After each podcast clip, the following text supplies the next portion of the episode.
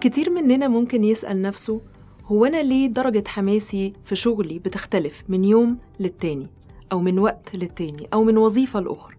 لو أنا صاحب عمل ممكن أسأل نفسي إزاي أخلي الناس اللي بيشتغلوا معايا يشتغلوا بشكل أفضل وفي نفس الوقت يكونوا مبسوطين؟ ده كلامنا في خلال الدقايق اللي جاية عن الموتيفيشن at work أو التحفيز في العمل.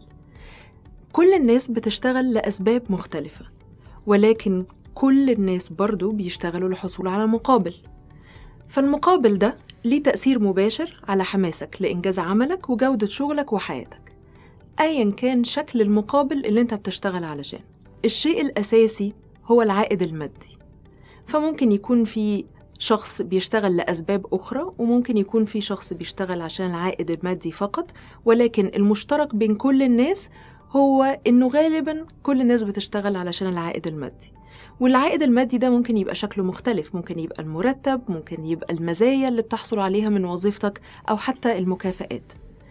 أيا كان مسمى العائد المادي فهو في الأساس اللي بيساعد على تحسين الحياة واستمرارها. ولكن هل هو المتحكم الوحيد في درجة حماس الموظف سواء أنا صاحب عمل أو أنا موظف وبفكر إزاي أقدر أشتغل أحسن إزاي أكون مبسوط أكتر في شغلي أكيد في عوامل تانية. هنسأل نفسنا أي العوامل دي هي اللي متحكمة في درجة حماسي للشغل في درجة تحفيزي للعمل؟ وأنا إذا صاحب عمل ممكن كمان أفكر في العوامل دي وأشوف إزاي أخلي وسط العمل أحسن للناس اللي بيشتغلوا معايا بحيث إن جودة العمل تعلى وفي نفس الوقت يكونوا مبسوطين. أولاً المساواة. المساواة في المزايا وربطها بالإنتاجية. محدش بيحب أبداً يشتغل كتير وياخد مقابل قليل. ولا حد بيحب يشتغل كتير وزميله بيشتغل قليل وياخدوا زي بعض. المساواة هنا مش معناها إن كل الناس لازم تاخد عائد متساوي ولكن ربطها بالإنتاجية. يعني أنا لو بشتغل كويس المفروض العائد يبقى برضه كويس. ولو في غيري أثر لازم ده يأثر على العائد اللي بيرجع له. تاني حاجة الاهتمام من المدير المباشر.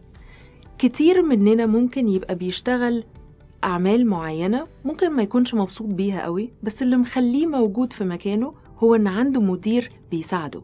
مدير بيساعده يتعلم بيساعده يتطور. والعكس ممكن يبقى في ناس بتحب جدا شغلها ولكن المدير المباشر من الأسباب الأساسية اللي ممكن تخلي الناس تغير شغلها وتسيب الوظيفة وتدور على وظيفة تانية. ده لأن الوقت اللي المدير المباشر بيخصصه في الاهتمام بالموظفين مهم جدا. لسماع شكواهم لسماع آرائهم وكمان يديهم المساحة في إن هم يبقى لهم حرية اتخاذ القرار في المهام اللي هم مسؤولين عنها. سبب تاني مهم جدا ومرتبط بدرجة حماس الموظفين جوه الشركة. القيادة سواء أنت مدير أو صاحب شركة مش بس ليها علاقة بالمنصب هي ليها كمان علاقة بمساعدة الموظفين اللي بيشتغلوا معاك في القيام بمهامهم. إنك تسهل لهم المهام اللي المفروض يقوموا بيها وما تكونش عبء عليهم ولا عبء على الوظيفة نفسها اللي هم بيقوموا بيها. في سبب مهم جدا أنا سايباه شوية للآخر لأن هو زي ما نقدر نقول كده كل الناس دلوقتي مهتمة بيه وبتتكلم عليه وهو التوازن. الوظيفة دي بتجيب لك قد إيه توازن في حياتك؟ هل الوظيفة دي مسيطرة على حياتك بالكامل؟ ولا الوظيفة بتساعدك إنك توازن بين مسؤولياتك المختلفة سواء مسؤولياتك دي تجاه نفسك أو تجاه عيلتك أو تجاه مجتمعك أو حتى بلدك. التوازن صفة أساسية ومهمة جدا في أي وظيفة أي شخص بيشتغل فيها لأن محدش بيقدر طول عمره يستحمل وظيفة بس بتضغطه وبتاخد كل وقته وكل مجهوده من كل حاجة حواليه.